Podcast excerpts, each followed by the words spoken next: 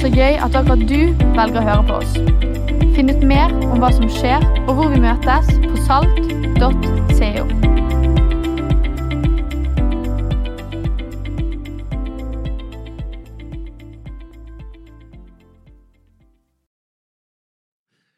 Det er en strålende soldag i Bergen.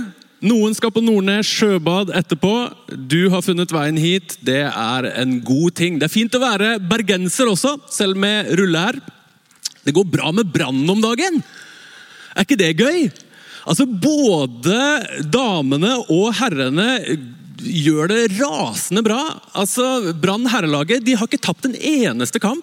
Det er 18 seire og 3 uavgjort. Ingen entusiasme i rommet? Hæ? Er, det, er det ingen bergensere her, liksom? Som, jeg trodde ekte lidenskap hadde et navn. Altså, Jeg vokste opp i, i um, Oslo øst. På østkanten i Oslo. Og Det som var så fint da med å vokse opp på østkanten i Oslo, det var at vi kunne liksom slenge drit om de som var fra vestkanten i Oslo. Uh, vi liksom kunne peke bort på der, det er vestkantfolkene, liksom. Og så gjorde jo de selvfølgelig det samme med oss. da. Men problemet mitt da, det var at uh, jeg vokste opp på østkanten, men så heia jeg på et fotballag som var på vestkanten. På Oslo vest, liksom. Jeg heia på Lyn. Oi, oi, oi, oi, oi. Og det er en veldig enkel grunn til det. og det var at Vålerenga på det tidspunktet gjorde akkurat som Brann. De hadde seg en liten tur ned i førstedivisjon når jeg begynte å interessere meg for fotball. og Da var det Lyn som var i Eliteserien, og det blei det Lyn som fant veien til mitt hjerte. Eh, det var liksom jeg som heia på Lyn, og så var det fem andre i hele landet som heia på Lyn. Eh, og Så gikk jo de konkurs, da, men før de gikk konkurs, så rakk de å spille en eh, cupfinale mot eh, Brann. Er det noen som husker det? 2004, det var det året vi starta denne kirken. her, Så var det cupfinale mellom Brann og Lyn. Og Det var på en søndag, og vi viste den cupfinalen på gudstjenesten.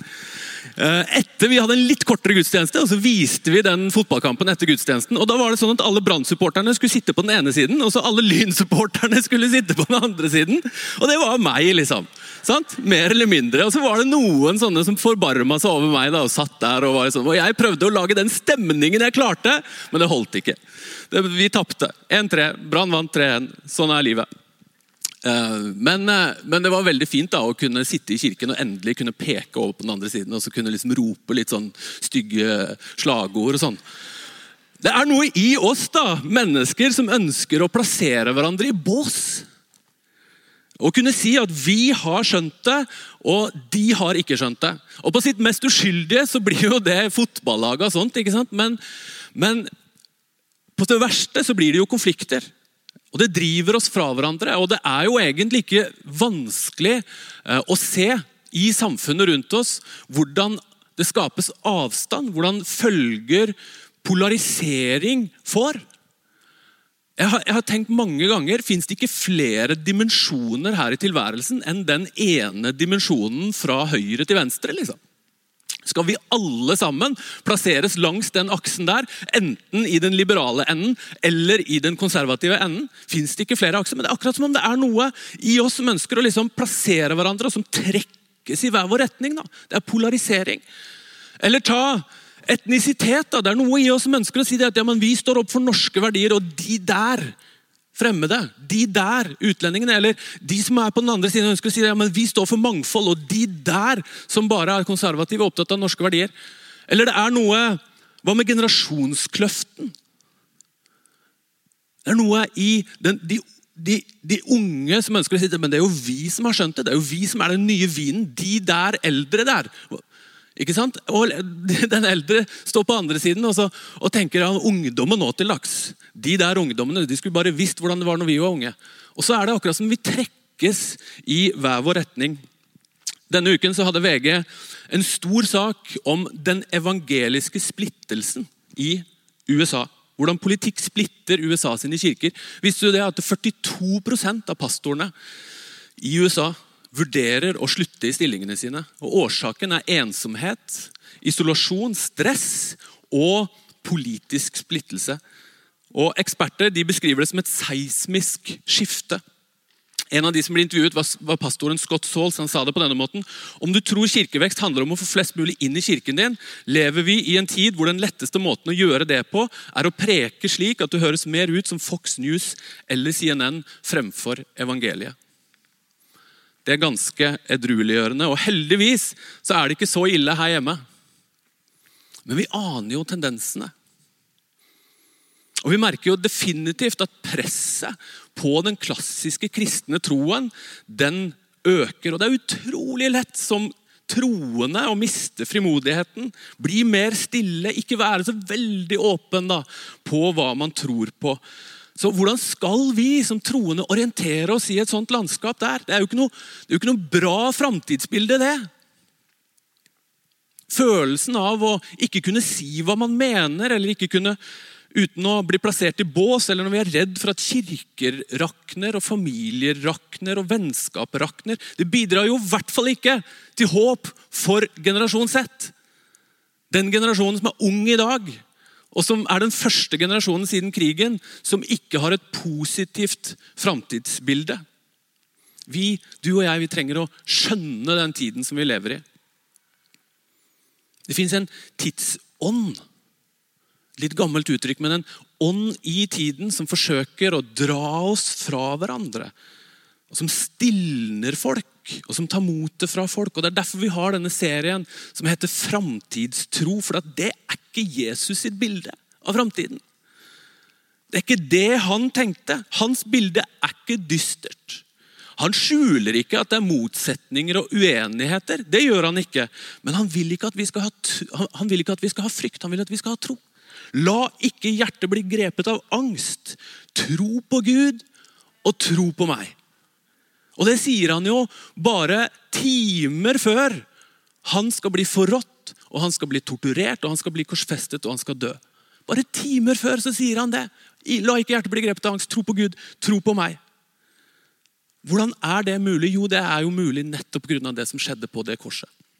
Snudde verdenshistorien og som gjorde at menneskeheten fikk en mulighet og en, en evne til å snu seg til hverandre istedenfor å snu seg fra hverandre.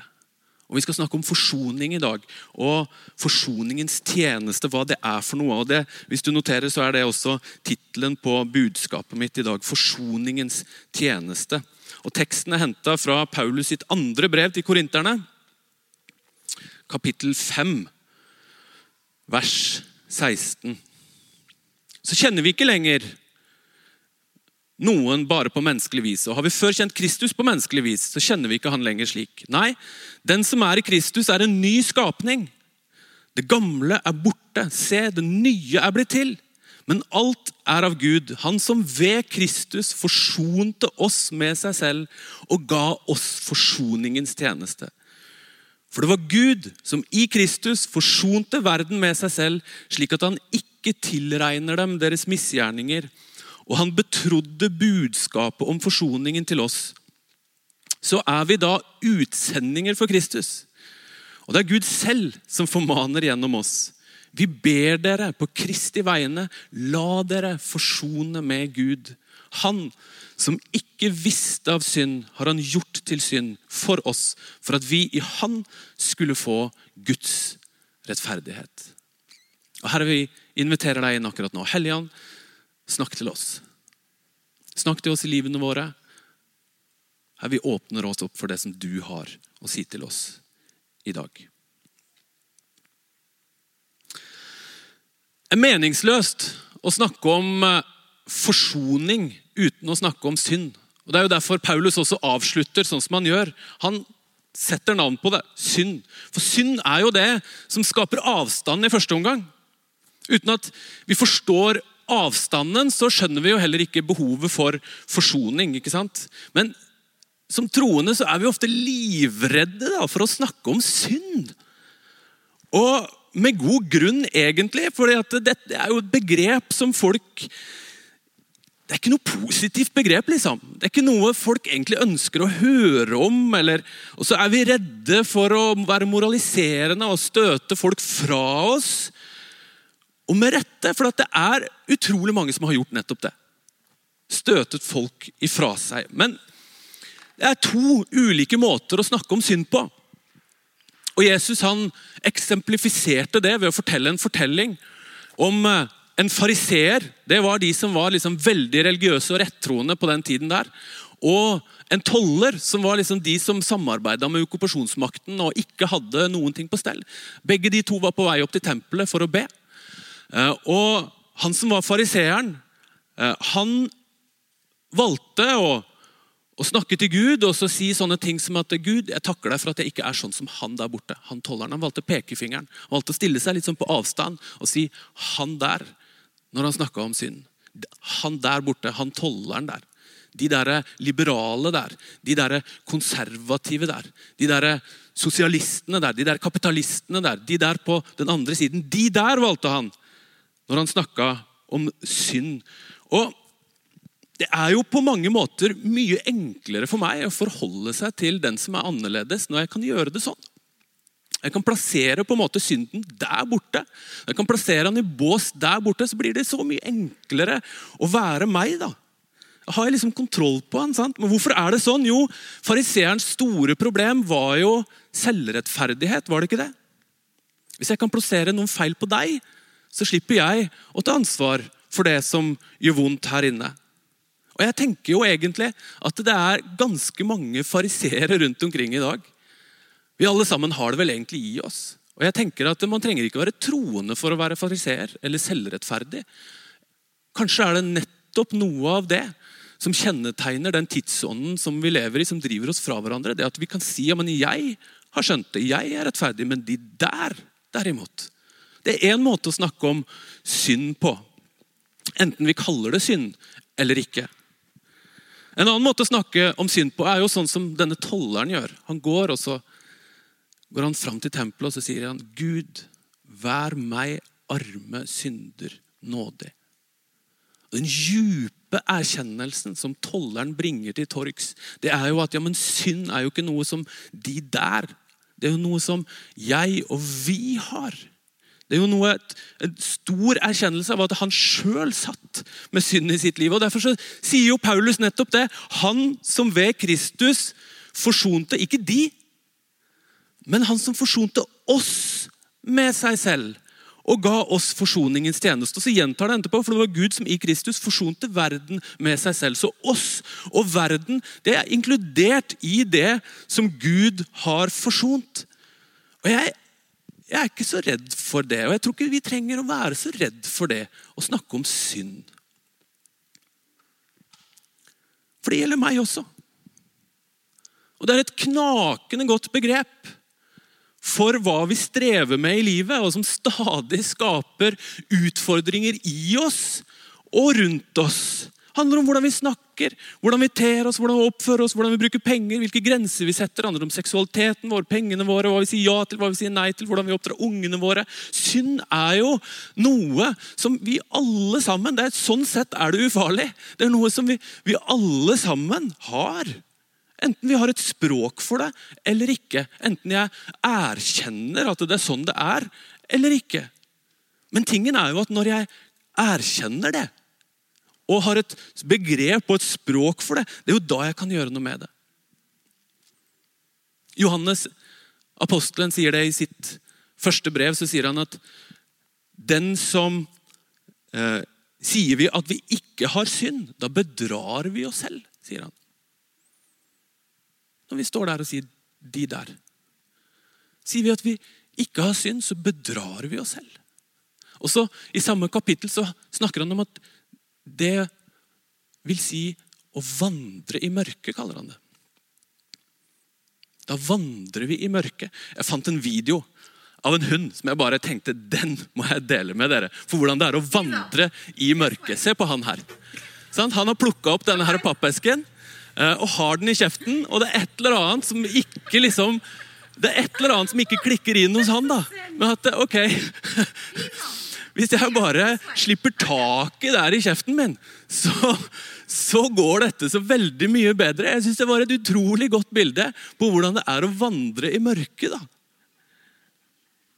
Sånn går vi rundt, liksom. Og så skjønner vi ikke hvorfor ting blir så innmari vanskelig. Da hjelper det å få et språk for det. Det hjelper det å ha et navn for det, og det kalles synd. Og Det skiller oss fra Gud, og det drar oss fra hverandre. Og vi kjenner konsekvensene av det alle sammen. Det gjør vondt i livet, det som jeg gjør mot andre som ikke er bra. Det andre gjør mot meg som ikke er bra. Det gjør vondt i livet. Et annet begrep er skyld. Skyld er helt reelt. Liker ikke å snakke om det, men skyld er helt reelt. Hvem sin skyld er det? Hvor mange overskrifter i avisene er det ikke egentlig du kan på en måte tilskrive den underliggende spørsmålet? Hvem sin skyld var det? Og Hvor ofte går ikke vi rundt og tenker det var ikke min skyld, eller det var min skyld, eller det er din skyld? Hvor ofte går ikke vi rundt og tenker det? Det er vanskelig å bære skylden. Og Derfor så legger jeg den så ofte over på andre. Og Skyld det er jo også et annet ord for gjeld. ikke sant? Gjeld en gjeld som bygger seg opp. Gjelden som jeg har til andre. For det er det jeg har gjort mot de. Eller gjelden som, som de andre har til meg. Det er også en byrde som jeg går og bærer på. Det er en tung bør å være gjeldstynget. Særlig når du ikke vet veien. Men de gode nyhetene folkens, det er at det vi ikke klarte sjøl, det gjorde Gud da Jesus frivillig gikk i døden for oss. Gjeldsbrevet mot oss slettet han. Det som var skrevet med lovbud. Han tok det bort fra oss da han naglet det til korset. Han kledde maktene og åndskreftene nakne og stilte dem fram til spott og spe da han viste seg som seierherre over dem på korset. Og Paulus, vi gjentar han. Han som ikke visste av synd, har Gud gjort til synd for oss, for at vi i han skulle få Guds rettferdighet. Det er forsoningen i et nøkkelskall. Når Gud så hvor hjelpeløse vi var i møte med den makten og den drivkraften som synd er, ja, da kom han til vår unnsetning. Og så tok han det på seg. Han bar det. Han ble gjort til synd for oss. Den Sigurd som jeg ikke liker, den som jeg skammer meg over, som jeg ikke skulle ønske at du visste om. Han ble den Sigurd. Og så bar han det opp på korset, og så døde det med han der. Og fra Guds side så er alt ok. Fra Guds side så er det liksom Det har skjedd. Jeg trenger ikke å bære på de byrdene som jeg, som jeg har gått og båret på. Om jeg tror på det, så løftes gjeldsbyrden av. Og jeg kan komme til Gud som min far. Det trenger ikke å være avstand. Jeg kan, kan komme til Han som et barn. Akseptert, elska. Og det er det nye livet som fødes på innsiden. Og fra da av så er det det som er mitt, min, mitt innerste ønske, er å være der. Å kunne være et Guds barn og kunne bli mer lik Han, og sånn som Han ønsker at mitt liv skal være.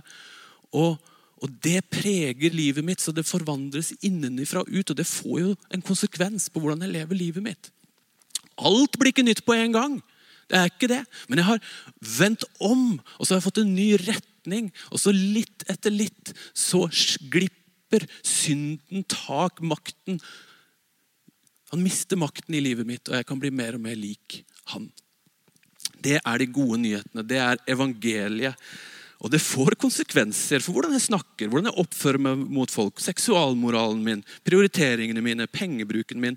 Nei, den som er i Kristus, er en ny skapning, sier Paulus. Det gamle er borte, se, det nye er blitt til.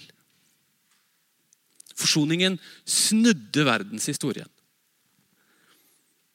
Og jeg tenker det, at Forsoning mellom mennesker og Gud, mellom meg og Gud, det legger jo da grunnlaget for forsoning mellom meg og andre mennesker. Fordi at Hvordan kan jeg elske uten å oppleve at jeg er elska? Hvordan kan jeg tilgi uten å oppleve at jeg er tilgitt? Hvordan kan jeg stå for forsoning uten å oppleve at jeg har fått forsoning? Hvordan kan jeg gi noe jeg ikke har? Og Det er nå det begynner å bli spennende, folkens. For det er annerledes å leve som en kristen i verden enn å ikke gjøre det. Ja, det er et stort vi i møte med synden. Men samtidig så er det faktisk en forskjell mellom den som tror og den som ikke tror. Men vi mennesker vi strever jo da veldig med å ha to tanker i hodet samtidig. Der vi vi trekker jo veldig ofte opp et sånt enten-eller. Der Gud setter et både-og. Og det, det, er ulike måter å forholde seg til det å være annerledes i verden på. En måte er jo å ignorere ulikhetene. Bare rett og slett bare late som at det ikke er forskjell. Og jeg tror jo det egentlig, Rent sånn ubevisst også, så er det det mange av oss ender opp med å gjøre til hverdags. liksom. Vi later som vi syns det er litt for ubehagelig. Vi er litt konfliktsky. Og så later vi som at det ikke er så veldig stor forskjell. Men vet du hva? er det noe jeg har lært fra livet liksom, og familien, så er det det at de ulikhetene som vi ikke setter ord på, eller de som vi bare feier under teppet, det blir ikke noe mindre konflikt av det. Det blir bare mer konflikt av det. Og Det er jo den intolerante toleransen i et nøtteskall. Fordi at vi, vi, våger ikke å være forskjellige, så derfor så mister vi vår egenart. Og og så blir det et eller annet som ingen egentlig har greie på hva det er som blir den etablerte sannheten. Og alt annet, det, det tolererer vi ikke. Ikke sant? Den intolerante toleransen. Hvis det skal være toleranse, så må det jo faktisk være en ulikhet der. Det må være noe å tolerere for at vi skal kunne være tolerante. En annen måte å møte ulikhetene på, det er jo å trekke seg vekk. da. Og isolere seg. Og det er jo, ikke sant, Mange tenker jo det tro er en privatsak. Men jeg er utrolig glad for å høre Robert fortelle at ja, jeg er synlig med troen min. Fordi at det, Når tro blir en, bare en privatsak, og mange kirker også velger jo den tilnærmingen, å isolere seg fordi man er redd for samfunnet rundt, ikke sant? så isolerer vi oss. Problemet med det er jo at eh, det, veien er veldig kort. da til den der 'vi har skjønt det, de har ikke skjønt det'. Selvrettferdigheten. Det der at ja, det er der ute feilen ligger. Her inne så er vi så flinke og flotte. Og Når troen blir en privatsak, ja, så blir jeg veldig innadvendt. Og så handler det om meg og min lille gruppe. Og så blir det dessverre over tid giftig. En annen måte igjen er jo da ja, men ok, Vi er til stede i samfunnet, men vi går rett i konfrontasjon. Vi skriver leserinnlegg, og vi skriver alt vi mener, og vi roper høyt, og vi går i demonstrasjonstog, og, og vi skriver på Facebook og, og, mot alt som er galt da, og alt som er ille her i verden. Og Jeg sier ikke at det alltid er galt å sette ord på det som er mørke rundt oss. Men dere kjenner uttrykket. Skal vi forbanne mørket, eller skal vi tenne lyset? For det, det, Jeg tror det formidler noe om gudsbildet vårt. da formidler noe om en veldig liten Gud. liksom. Når, vi, når, alt vi har å snakke om, er alt som er galt og alt som er ille. Og hva, det at vi er imot verden der ute. Vet du hva? Har du noen gang tenkt over det? At det, den lille Bibelen så står det at Gud elsket verden så høyt at han ga sin sønn, den enebårne. Hvis Gud elsket verden, hvem er jeg da til å stå der og si at nei, men det er bare ondskap? De skal vi liksom skyve vekk. Nei, det blir jo helt feil. Gud elsket verden, og om Gud har forsont seg med verden, hva skal jeg gjøre da? Vi sliter med å ha to tanker i hodet samtidig. Men vet du hva? det fins et både-og. Gud han er både hellig og kjærlig. Jeg er både synder jeg, og rettferdig. Luther. Simulus justus et peccator, sier, sier Luther. Sant? Det er latin. Både synder og rettferdig. I meg så fins det både et gammelt menneske, det som døde med Kristus, men også et nytt menneske. Samtidig. På en gang. Kirken er både et hjem der vi kan finne fred, og det er et sted der vi er på reise sammen. Uten å ha kommet fram. Vi lever her på jorda, men så er vi også satt med Han i himmelen. Vi, står, vi har både en teologi som forteller hvem Gud er, og hva hans ønske er for våre liv, samtidig som vi er mennesker som enda ikke er der. Vi har en teologi i denne kirken, her, vi har en samlivsteologi og, og, og, og uh, vi har en skapelsesteologi. og Det har noe å si for vårt syn på seksualmoral og ekteskap. og de tingene der. Samtidig som jeg erkjenner at ja, livet er jo ikke alltid sånn. Jeg erkjenner mine egne svakheter og erkjenner at folk er på vei. Så dette går an å være et inkluderende fellesskap, også for de som ikke mener det samme som Kirken står for teologisk. Vi kan ha to tanker i hodet samtidig, folkens. Som troende så står vi i det spennet mellom Gud og mennesker. Mellom himmelen og jorden. Og Det er denne tankegangen som ligger bak det uttrykket som gjerne tilskrives Jesus sin bønn i Johannes 17. I verden, men ikke av verden. I verden, men ikke av verden er fullstendig til stede. Tilgjengelig der, men har en annen opprinnelse, et annet stoff på innsiden. Hør, for det var Gud som i Kristus forsonte verden med seg selv slik at han ikke tilregner dem deres misgjerninger, og han betrodde budskapet om forsoningen til oss, så er vi da utsendinger for Kristus. Og det er Gud selv som formaner gjennom oss. Vi ber dere på Kristi vegne, la dere forsone med Gud. Hva betyr det for vår posture som troende i møte med den verden? Det er én ting som vi misforstår så lett. Og det er at hvis jeg står for noe, så må du være enig med meg. Det oppstår så lett i samtalen oss imellom. Så, vi, så, så, så klarer vi ikke å gi oss på liksom det at ja, men jeg kan stå for noe. Men skal vi fint være her i denne familien og i denne kirken og slappe av selv om ikke alle står for det jeg står for. Eller i samfunnet rundt så går det an å stå for noe. Og så slappe av med det at ikke alle er enig. Du vet, det, det, Den uenigheten som oppstår, det er noe i oss som ønsker at den andre må bli enig.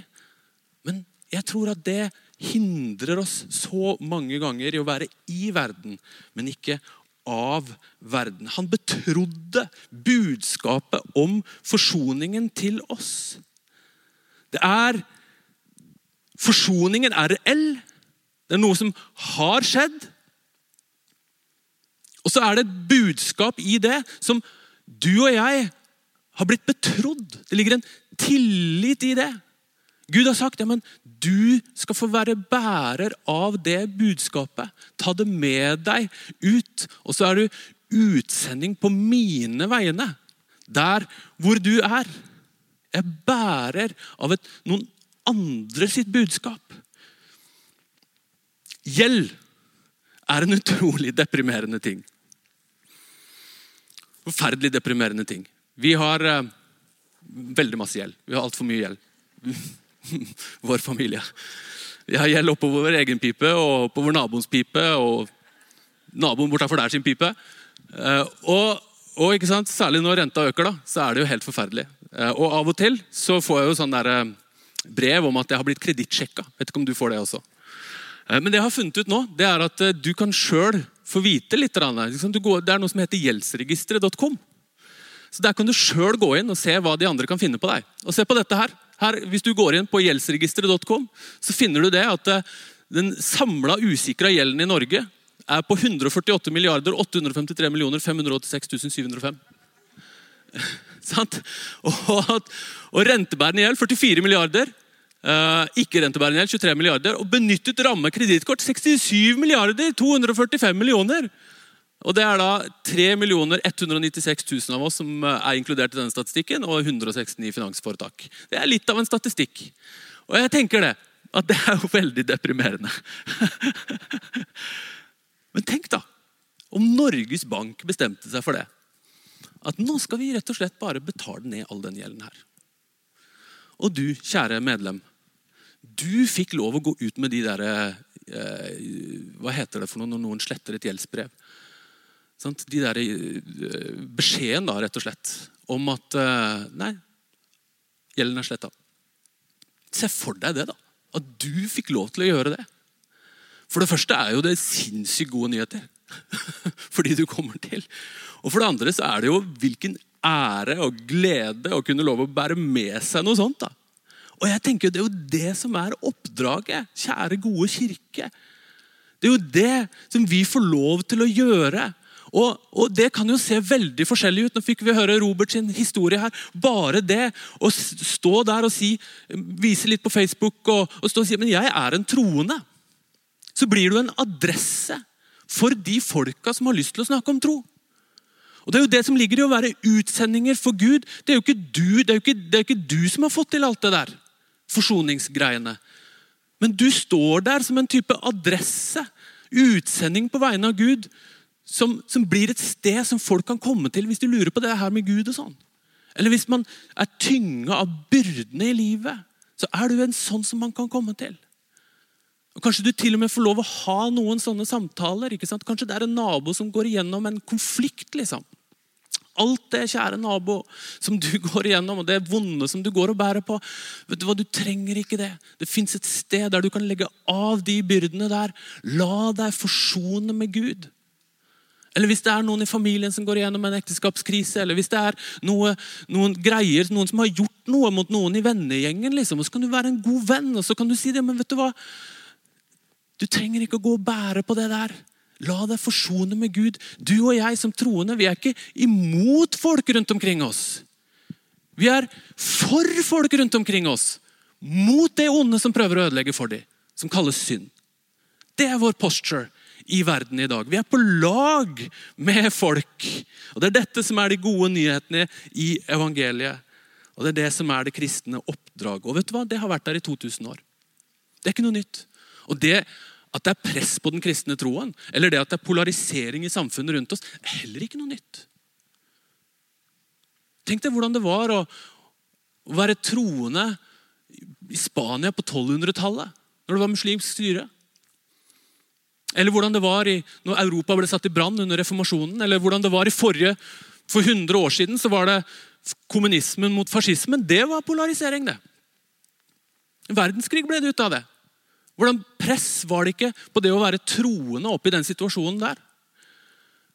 Og hvordan er det ikke rundt omkring i verden i dag? Det at det er polarisering og det at det er press, det er ikke noe nytt.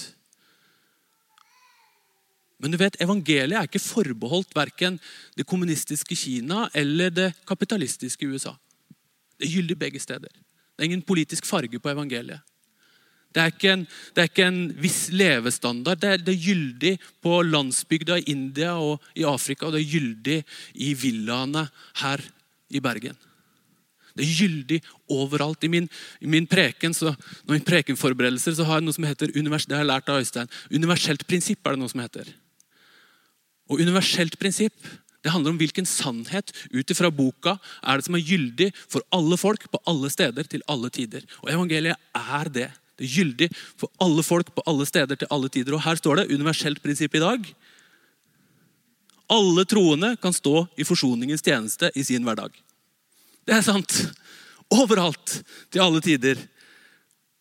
For alle, for alle troende. Og nå er det vi som lever. Og Vi lever her. Vi lever den tiden vi lever i. Og Det er vi som skal tolke hvordan forsoningens tjeneste ser ut i denne byen og på dette stedet her. Kan ikke vi reise oss sammen? Jeg tenker jo det. At er det noe sted der forsoningen og forsoningens tjeneste skal leve, liksom, så er det i kirken.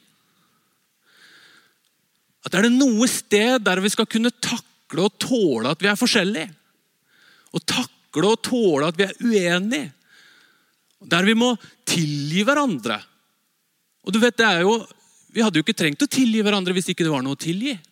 Men det er jo alltid noe å tilgi. Og det er Vi må tåle hverandre. Det hadde ikke vært noe å tåle hvis ikke, vi hadde ikke trengt å tåle hvis ikke det hadde vært noe å tåle. Er det noe sted der det skal leve, så er det jo i kirken. Men ikke fordi at vi skal lage et sånt perfekt parallellsamfunn, men fordi at det som vi øver på og det som vi lærer i kirken, det kan vi ta med oss ut i hverdagen. Og så kan vi være sånne utsendinger som Paulus snakker ut. Så kan vi modellere hva forsoning vil si. Det er så trist når det bare blir én farge, enten det er politisk eller det er hudfarge, i en kirke. Det er så trist når det blir splittelse fordi man ikke takler sine forskjeller. Jesus, Det er ikke Jesus sin framtidsvisjon. Og Jesus sin framtidsvisjon den er ikke dyster. Ja, vi ser polariseringen rundt oss, og ja, troen er under press. Mange ting som trekker oss fra hverandre og som kan stilne oss. Men vet du hva? La ikke hjertet bli grepet av angst. Tro på Gud, og tro på meg. Og jeg tenker at forsoning er selve nøkkelen til framtidstro. Det er det som gir nøkkelen til framtidstro. Tenk om vi kan være en sånn motkraft da, mot den der pekefingeren, mot den der selvrettferdigheten. Den som sier at det er de der borte. Tenk om vi kan være, ta med oss en ånd av forsoning. istedenfor tidsånden som driver oss fra hverandre. Vi kan tåle å tilgi hverandre fordi Gud har jo tilgitt oss. Et stort vi. Og Tenk om vi kan bære med oss forsoningens tjeneste i en kultur som, som er alt annet enn raus. Og som er alt annet enn tilgivelse, tilgivende. Tenk om vi kan det. Kan ikke vi be en bønn sammen? Herre, ingen som modellerte dette mer enn deg. Du lå der på korset, altså. Spikra de hendene dine fast. Sa du, far, tilgi dem. De vet ikke hva de gjør.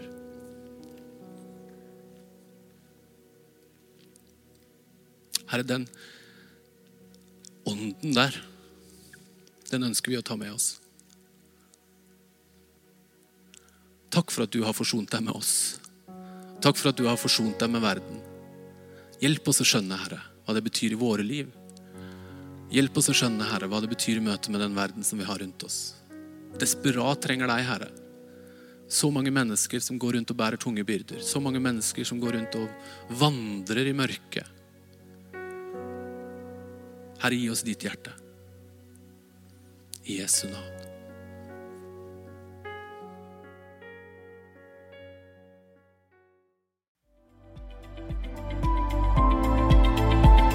Takk for at du hørte på. Håper vi snakkes enten her eller i kirken neste søndag. Ha en nydelig.